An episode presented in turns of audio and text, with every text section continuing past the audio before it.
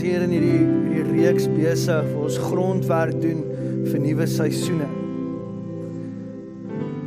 En spesifiek vir die 40 dae wat ook voor lê. Hierdie lied is is is so mooi want dit gee vir ons die identiteit wie ons is.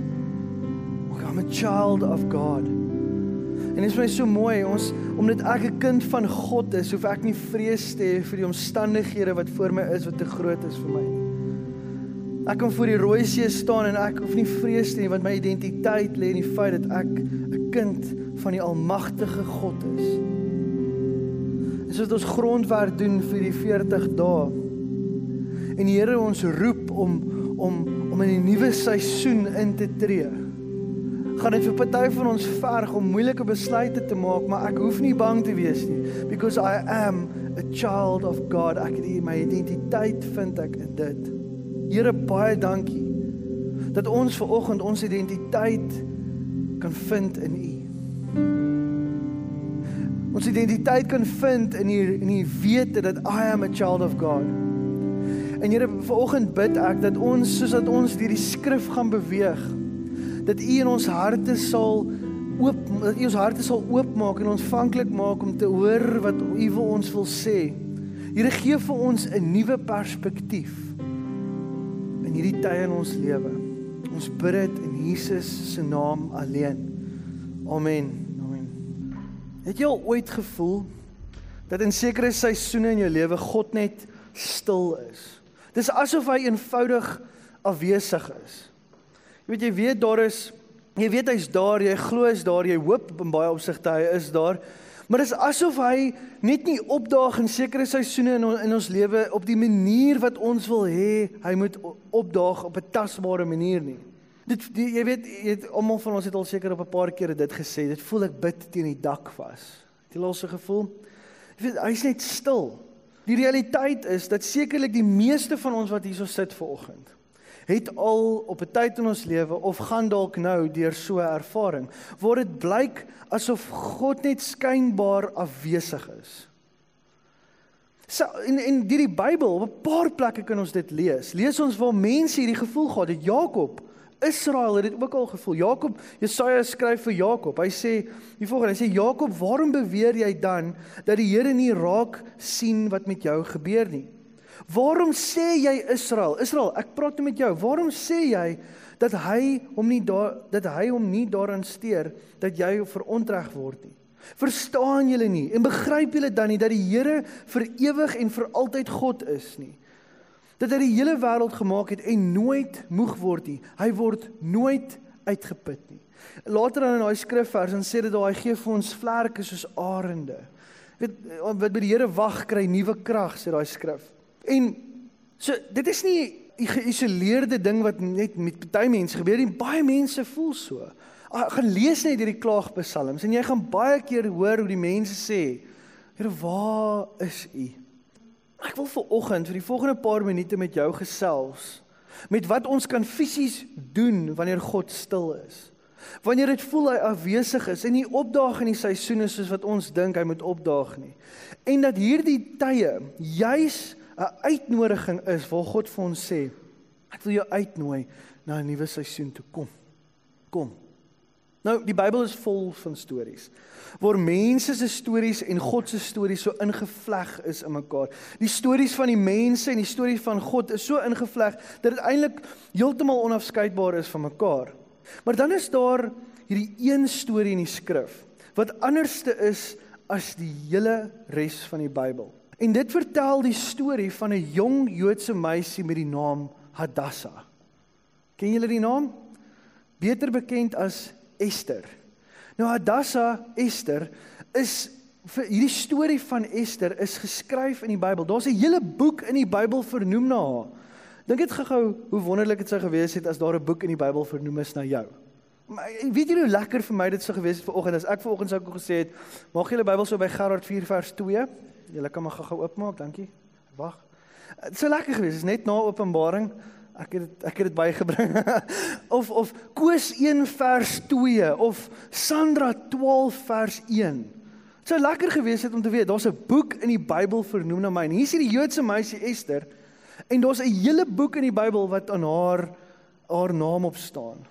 Dit is in die Bybel. Maar jy sou dink dat as jy 'n boek om 'n boek in die Bybel te kan kry, moet jou storie gaan oor God, of nie? Natuurlik, dis logies, want dit is tog die Bybel. Die hele Bybel gaan oor God. Maar het jy al ooit iets geweet en dan vergeet jy dit en dan moet jy dit half net gaan seker maak of dit waarheid is? Nou hierdie is 'n feit wat ek geweet het. Al vergeet daarvan. En en toe ek nou hierdie week weer dit raak lees en ek besef toe, wow, dit is baie waar. Toe ek dit gaan check, maar het julle geweet dat in die hele boek van Ester, die hele boek van Ester word God se naam nie een keer gebruik nie. Nie een keer nie. Dis asof God heeltemal en totaal en al afwesig is. Dit is hoe die vraag, hoe is dit moontlik dat een van die wowste stories in die geskiedenis en van in ons Bybel word God se naam nie een keer genoem nie. Dis asof hy net stil is, weggeraak het uit hierdie storie. En ek het dit weer gaan gaan check net voordat ek gekom het. Dis regtig so. God is net stil in hierdie hele storie. Vir jare word die storie van Ester word vertel as hierdie romantiese storie van 'n koning wat hierdie meisie kies vanuit al die ander meisies as die om koningin te word.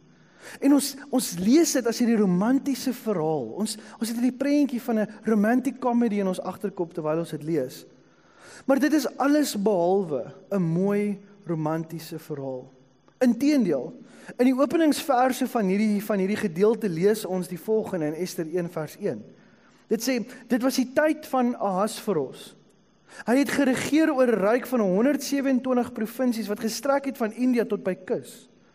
In die tyd toe sy troon in die vestingstad Susan was.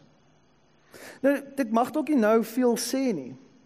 Maar as jy as jy mooi gaan lees oor hierdie koning, oor wie hy was, En as jy net in daai sinnetjie lees wat hy hy, hy heers oor 127 provinsies, kom jy agter dat hierdie was 'n koning wat 'n wrede koning was, wat nie omgegee het om te vat wat nog nie syne is nie.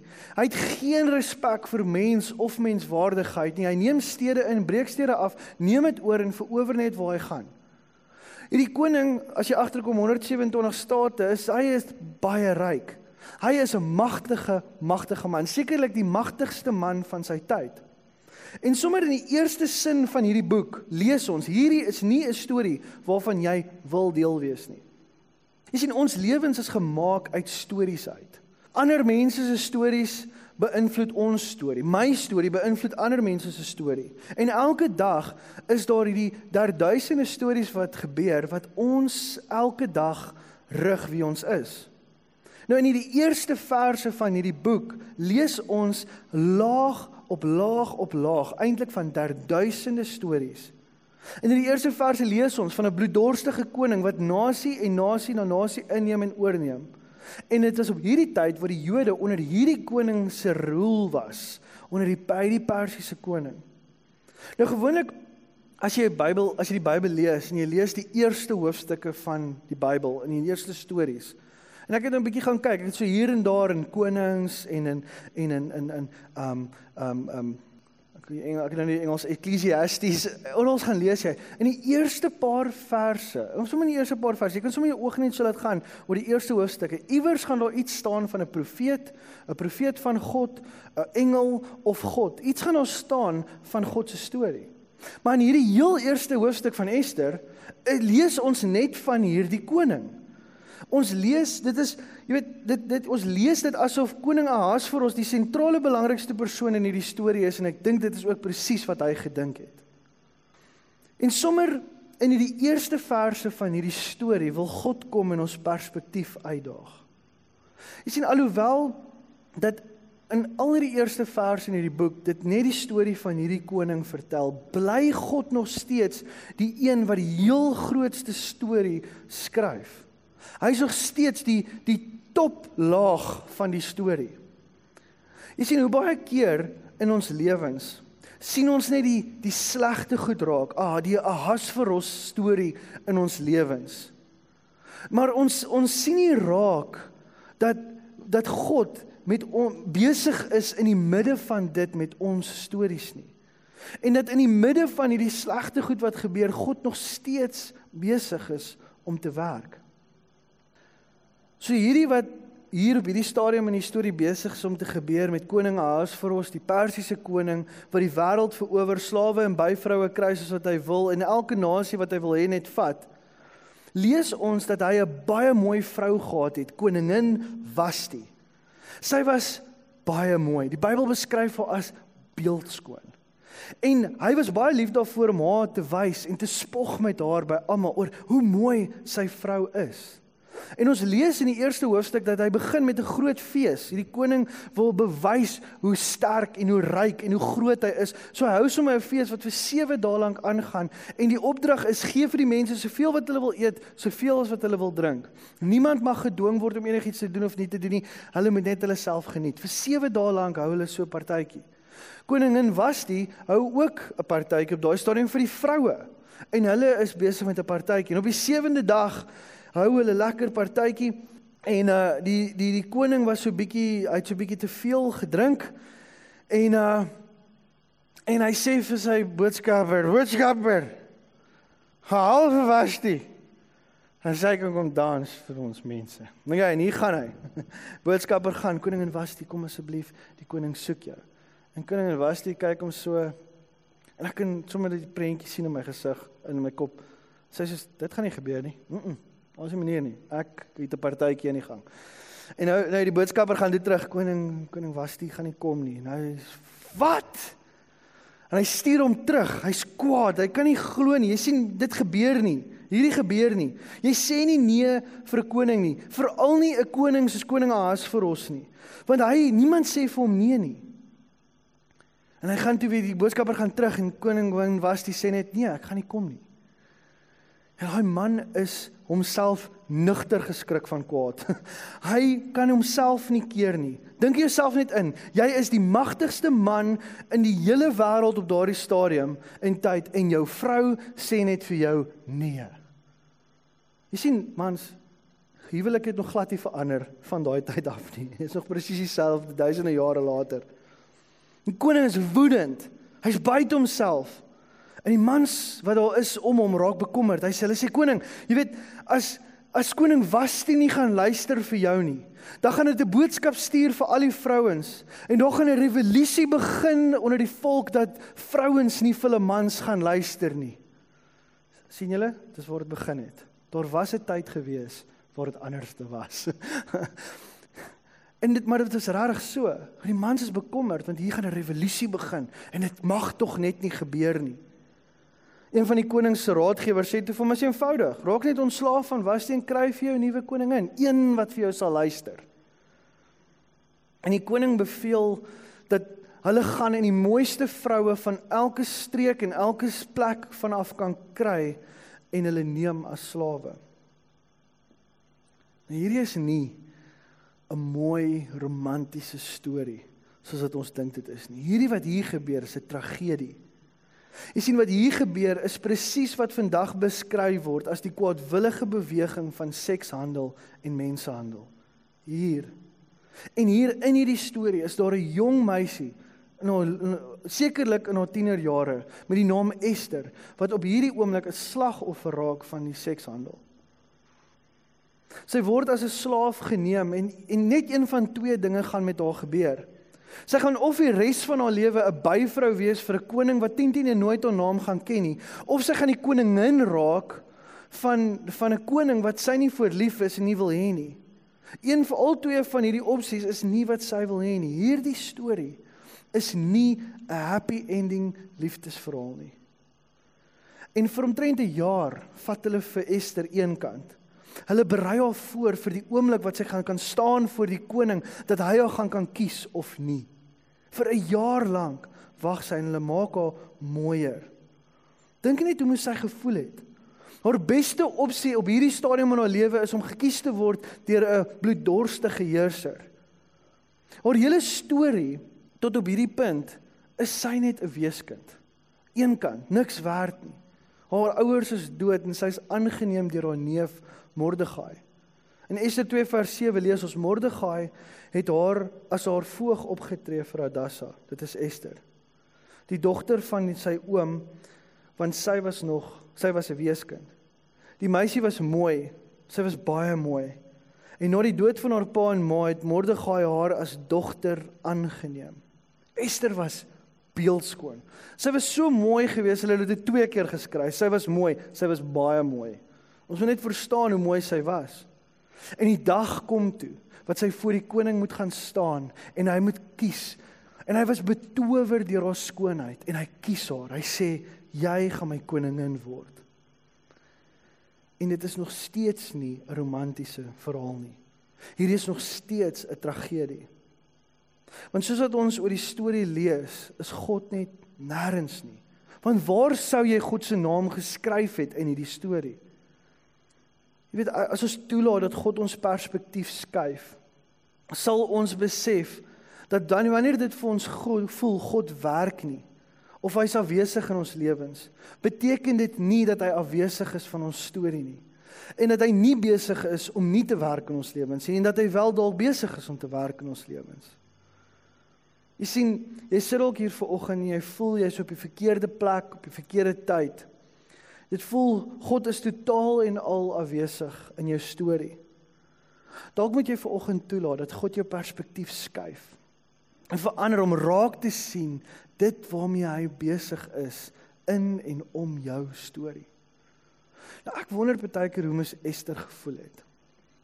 In Psalm 13 skryf Dawid 'n klaagpsalm en hy sê: "Hoe lank gaan u tog my nog, hoe lank gaan u my nog alleen los, Here?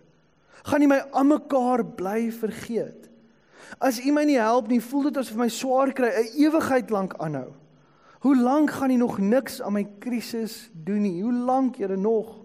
Hoe lank moet ek nog myself uit die moeilikheid probeer kry? Ek is so moeg daarvoor om aan mekaar bekommerd te wees." Hoe lank gaan my vyande my nog teen my plan teen my teen die planke vasdruk? Gee tog aandag en antwoord my Here, my God. Wees maak my weer gelukkig. Anderste is ek geen ander uitweg as die dood nie. Ek wonder of Esther nie ook dalk baie aande in haar kamer gesit het en saggies hierdie gebede gebid nie. Here, waar is U? Ek sien U nie raak in my storie nie. Asseblief, Here. Voel jy dalk ver oggend so? Dawid skryf hierdie Psalm en ewe skielik is dit asof hy 'n perspektiefverandering kry. Want net in vers 6 sê hy: "Maar ek het op u getroue liefde staat gemaak. In my binneste borrel dit van vreugde te midde van wat gebeur, omdat u my uit die moeilikheid uithelp." Hier praat hy nie van uit die plek van oorwinning uit nie. Hy praat hier van in sy krisis uit. Ek sal die Here se naam met vreugde groot maak omdat hy so goed is vir my. Kom ons raak stil vanoggend vir 'n oomblik. Wonder hoeveel aande Esther hierdie gebed gebid het. Om om vir haar half uit hierdie moeilike plek uit te bring en sê Here, ek weet iewers is gaan die goedheid kom. Jy al ooit in jou in jou storie 'n tyd gehad waar jy gedink het by jouself, dit kan nie erger raak as wat dit nou is nie en dan word dit erger. Jy weet en en dit is presies wat in hierdie storie gebeur. Hierdie storie is klaar erg en dan raak dit erger. Want hierdie koning um Ahasveros se tweede in bevel is 'n man met die naam Haman. En om een of ander rede besluit hy hy het, hy wil al die Jode uitroei. En hy gaan na die koning toe en hy oortuig hom. Hy sê koning, ek kom ons ons haal hierdie hele ras van die aarde af. En en hy sê hy's so passievol oor die besluit. Hy sê koning, ek sal selfs betaal vir dit. En die koning sê ag, hou jou geld, roei hulle net uit. En maar hierdie hierdie klink erg, maar dit is soveel erger. 'n Hele Joodse ras sal uitgeroei word as dit gebeur. Mordegai hoor dit. En hy skeur sy klere in in in totale rou en angs. En Ester hoor wat aangaan en en sy hoor dat Mordegai rou en en sy vra toe vir hom wat aangaan. Hoekom is jy so ontsteld? Mordegai vertel aan hy sê vir Ester, jy moet na die koning toe gaan en vir hom gaan ooreed om dit nie te doen nie. Sy sê maar jy jy verstaan nie. Ek kan nie so iets doen nie. Ek kan nie net na die koning toe gaan nie. Hierdie is nie 'n koning koningin liefdesverhaal nie. Hierdie is nie 'n Romeo Juliet situasie nie. Hierdie is 'n Esther en 'n Ahasveros situasie. Ek is kragteloos voor daardie man. Ek is net 'n slaaf vir hom. Ek is nie sy geliefde nie. Die feit dat ek nie eers weet waarvan jy nou praat nie, bewys net vir jou hoe min ek in sy aangesig is. Maar Ester, jy's die koningin, sê Mordegai. Jy's die koning, jy het die posisie, alhoewel jy nie daarvoor gevra het nie, moet jy dit gebruik. Jy wou miskien nie die posisie gehad het nie, maar jy het dit. So neem dit op, tree in die oomblik in. En dit het my net so getref vir die week. Hoeveel keer het God my op 'n plek gesit waar ek nie wil wees en waar ek gemaklik voel en nie lekker voel nie. En hom my op 'n posisie gesit waar hy my wou gebruik het. Maar ek het dit nie raak gesien nie. Waar ek probeer verskonings maak oor hoekom ek dit nie kan doen nie. Hoeveel keer het ek dit nie dalk al my lewe gedoen nie? Sy sê ek kan nie gaan na hom toe nie. Hy sal my doodmaak. Mordegai sê toe vir haar, jy weet, Esther of jy gaan of nie, jy gaan sterf. Jy's 'n Jood en en jy's in die koning se paleis. Hy gaan uitvind jy's 'n Jood en as hy dit uitvind, gaan hy jou in elk geval doodmaak. Hy sê hy sê vir hom, jy maak 'n groot fout as jy dink om stil te bly, gaan jy jou lewe spaar. En dan maak Mordegai die stelling, wat die bekendste stelling is sekerlik in die storie van Esther. Hy sê as jy nou swyg en daar kom van 'n ander kant af uitkoms en redding vir die Jode, sal jy en jou familie omkom. Wie weet? Miskien dit is juis met die oog op 'n tyd soos hierdie dat jy koningin geword het. Mordegai sê vir haar, God God is 'n God wat altyd 'n plan maak. Hy sal altyd maniere vind om sy mense te red en te beskerm. Elke keer wanneer ek en jy voel ons ons ons lewe is oor, ons het geen toekoms of geen hoop nie, vind hy altyd 'n manier om vir ons 'n toekoms en 'n hoop te gee. Esther sê Mordegai sê, weet dit, God sal 'n manier kry as jy nou stil bly en nie die moed het om in te tree in hierdie oomblik nie in hierdie posisie wat jy het nie, gaan God iemand anders te kry. God sal iemand anders te kry wat die moed en die oortuiging het om dit te doen. Maar Esther, maar Soms moet ons ons eie storie prys gee vir 'n groter storie. Esther, God wil jou nou gebruik. En soos dit ek hierdie week sit en ek en ek lees hierdie storie en ek dink oor hierdie storie en ek dink by myself hoeveel keer het God my al geroep om iets vir hom te doen wat wat wat wat groter is as wat ek is en groter as my gemaksone is En en as ek dit sou gedoen het, sou dit dalk iets ekstraordinêr gewees het en so goed gewees het vir die mensdom. En dan mis ek dit. Dit sal vir my 'n hartseer dag wees as ek eendag voor God moet staan en hy moet vir my al die tye wys in my lewe, al die oomblikke waar ek goed gemis het wat hy vir my beplan gehad het. En dat hy vir my moet sê, "Gerard, hierdie was 'n oomblik. sien jy hierdie oomblik? Hierdie tyd was 'n tyd dat ek 'n afspraak gehad het om jou te gebruik." Hierdie was 'n tyd dat ek 'n afspraak gehad het wat as jy ingetree het tot hierdie oomblik sou jy soveel goed vir die wêreld gedoen het. Maar ongelukkig het jy nie ingetree tot die oomblik nie. You did not step up to the plate. So ek moes iemand anders te gebruik het. Dit sal vir my 'n verskriklike hartseer dag wees. Mordegai sê basies vir presies dieselfde ding. Hy sê vir oorweeg net dit vir 'n oomblik dat jy dalk gemaak is vir hierdie oomblik. Dat jy gemaak is vir 'n tyd soos hierdie. En dan stap Ester in die teenwoordigheid van God in. Nee, nee, nee. Dis wat ons wil hê daar moet staan. Ester tree in die teenwoordigheid van 'n man in wat dink hy is God. Kom, kom ons pause net gou die storie daar vir 'n oomblik. Jy weet hierdie soort preke is altyd verskriklik lekker om te hoor. Want dit inspireer ons. Dit dit dit laat my voel, jy weet, ek ek moet iets doen. Maar baie keer as ons hier uitstap, dan voel hierdie preke baie ver van ons af. Jy sien die woorde God wil my gebruik is groot woorde. Dit voel onmoontlik. Is hoe Here, waar, wanneer, wat moet ek doen? Ek is ek is nie soos Ester nie, Here. Wat wat moet ek doen? Jy sê maar hierin lê juist die geheim. Ester se storie is juis 'n metafoor vir elke persoon wat voel God is stil en nie weet wat om te doen nie. Word die oomblik to, to step up to the plate net te groot is vir ons. Is Ester se storie juis 'n metafoor vir jou? Die grondwerk wat God wil doen, is om ons perspektief te verander. Om sy werke raak te sien en die begin die vraag te vra, is ek nie juis gemaak vir 'n tyd soos die nie? Om vir jouself die vraag gevra, vra te vra, hoekom is ek hier? Hoekom is ek nou hier? Hoekom is ek nou in hierdie oomblik? Hoekom doen ek nou die werk wat ek doen? Jy sit dalk en jy bid al vir jare, Here, ek soek 'n nuwe werk, gee vir my 'n ander werk. Is dit nie moontlik dat jy dalk nou juis daar op daai plek en daai werk is want God wil jou daar gebruik nie. En hy sal jou skuif as jy jou werk gedoen het. Die vraag te vra, hoekom is ek in hierdie vriendekring? En 'n groot vraag, hoekom is ek in hierdie land? Hoekom is ek in hierdie dorp? Hoekom is ek ver oggend in hierdie diens? Want God het 'n afspraak met jou. Is dit moontlik dat jy nou dalk nie is waar jy wil wees in jou lewe nie of jy voel jy is nie waar jy moet wees nie? Maar jy's eintlik presies op die regte plek waar God jou wil hê.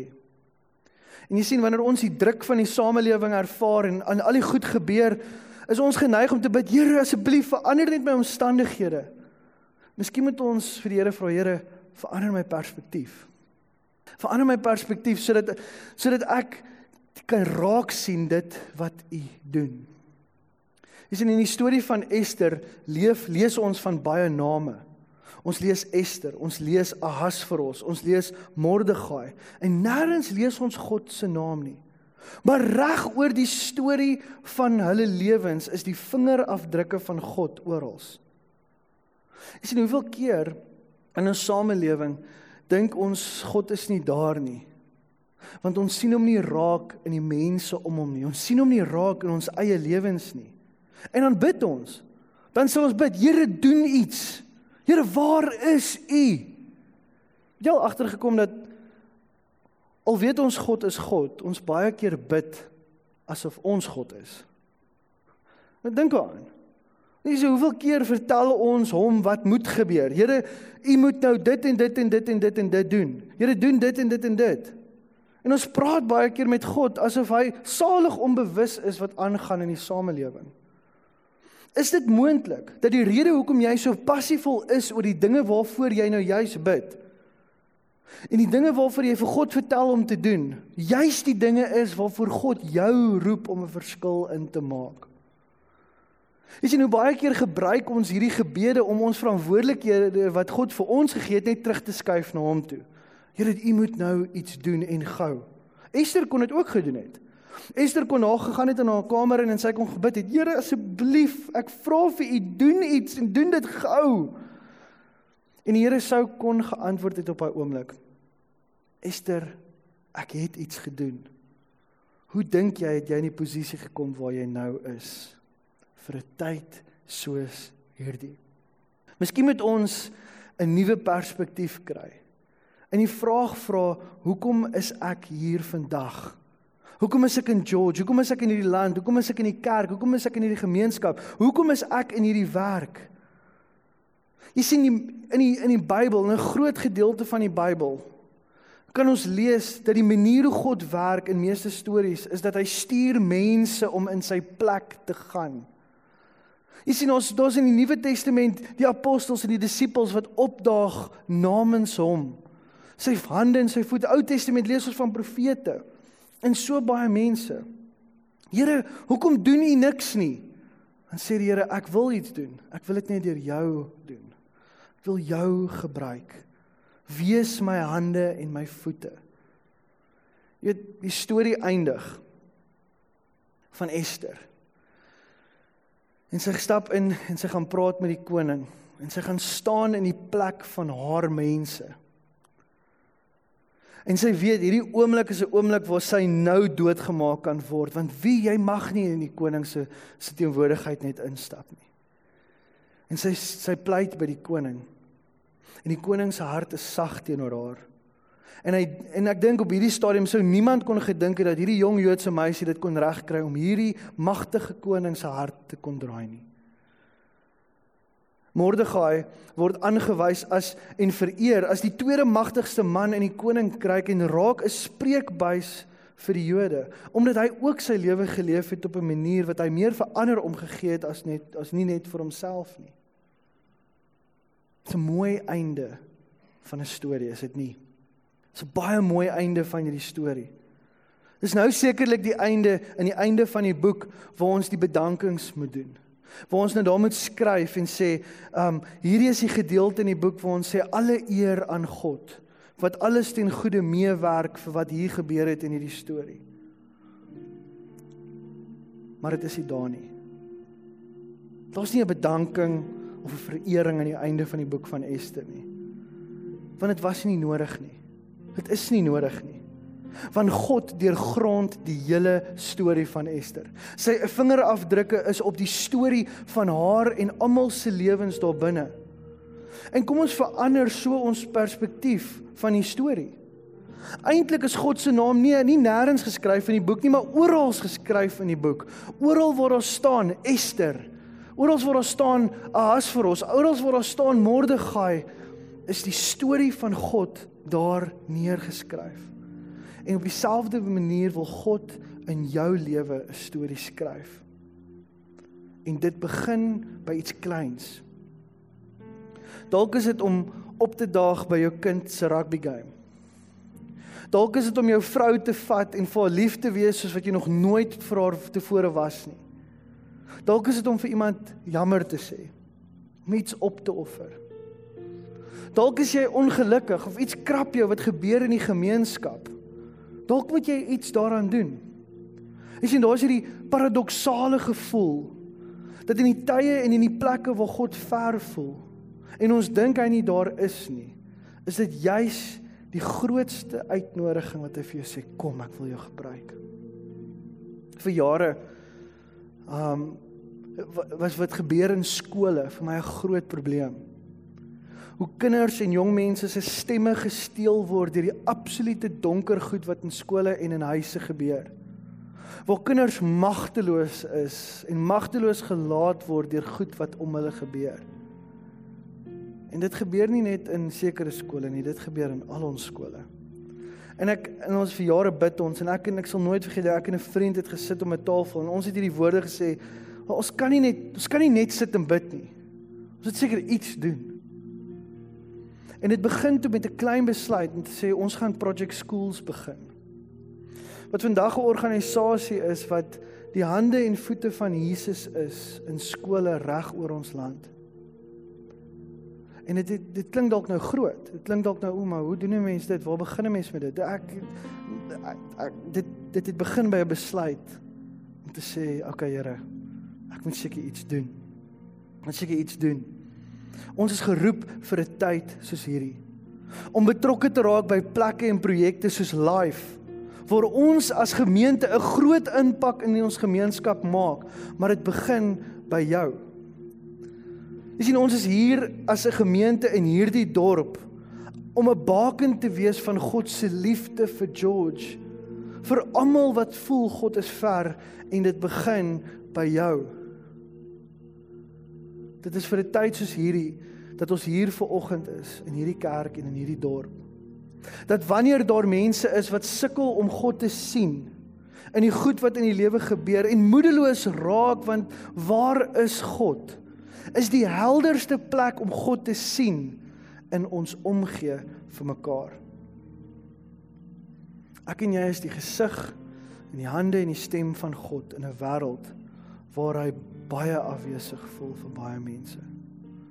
En geen wonder Ester kom staan voor die koning en sy's bereid om haar lewe neer te lê sodat ander mense kan leef nie. Want sy's besig om die hande en voete van Jesus te wees vir haar mense. Jy sien dis presies ook die storie van Jesus. Die enigste verskil is net dit het sy lewe gekos. Hy het geweier om op te gee op my en jou. En as jy hier sit volgens en jy bid en jy sê dalk Here, ek het 'n nuwe perspektief nodig. Here in die tye wat in die normale tye van die lewe. In die dag tot dag wanneer ons nie altyd U raak sien en en ervaar nie. Here, ek het 'n nuwe perspektief nodig. Om sodat ek die hande en voete kan wees van Jesus in my gesin in my familie, in my verhoudings. En die Here te vra, Here, skryf met my lewe 'n storie. Ek is bereid, Here. Gebruik my.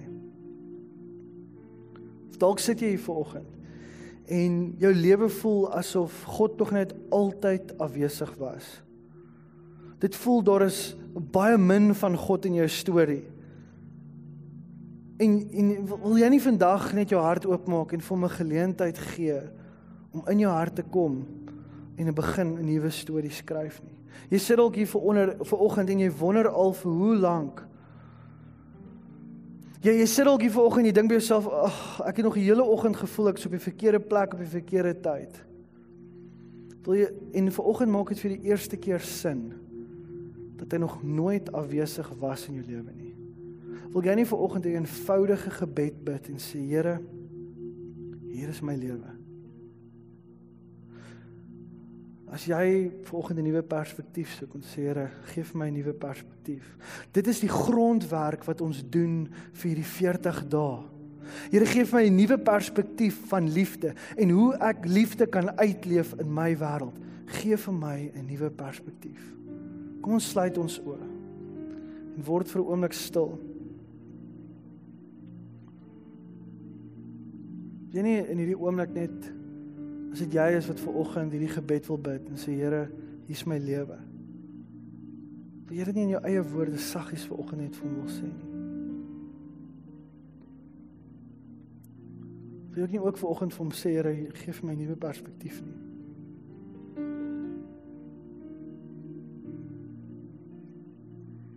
Here, baie dankie vir u liefde en u genade. Here, dankie dat u naam geskryf is oral op ons stories. Al is dit in die plekke wat ons voel u is ver weg. Here, help ons met 'n nuwe perspektief om u werking raak te sien. Al is dit in die tye waar u ver voel en stil voel. Here, maak my en maak elkeen van ons wat hier sit, die hande, u hande en u voete in hierdie wêreld. Here dat ons die expression van u liefde sal wees vir ons dorp. Vir mense wat ver van u af voel, mag hulle ervaar ver oggend hoe ons liefde vir mekaar en ons liefde vir ander. Here ons ander so laat welkom voel. Mag dit eer in gemeente se getuienis wees, Here. En Vader, ek bid vir elke persoon wat ver oggend hierdie eenvoudige gebed gebid het. Here, ek gee u my lewe dat u vanoggend stil staan by elkeen. Here connect hulle met u kerk, connect hulle met u wêreld. En hou hulle vas in u arms, Here. Dankie vir u genade. Dankie dat ons kan deel wees van u storie en dankie dat u ons gebruik om u storie te skryf. In Jesus se naam alleen. Amen.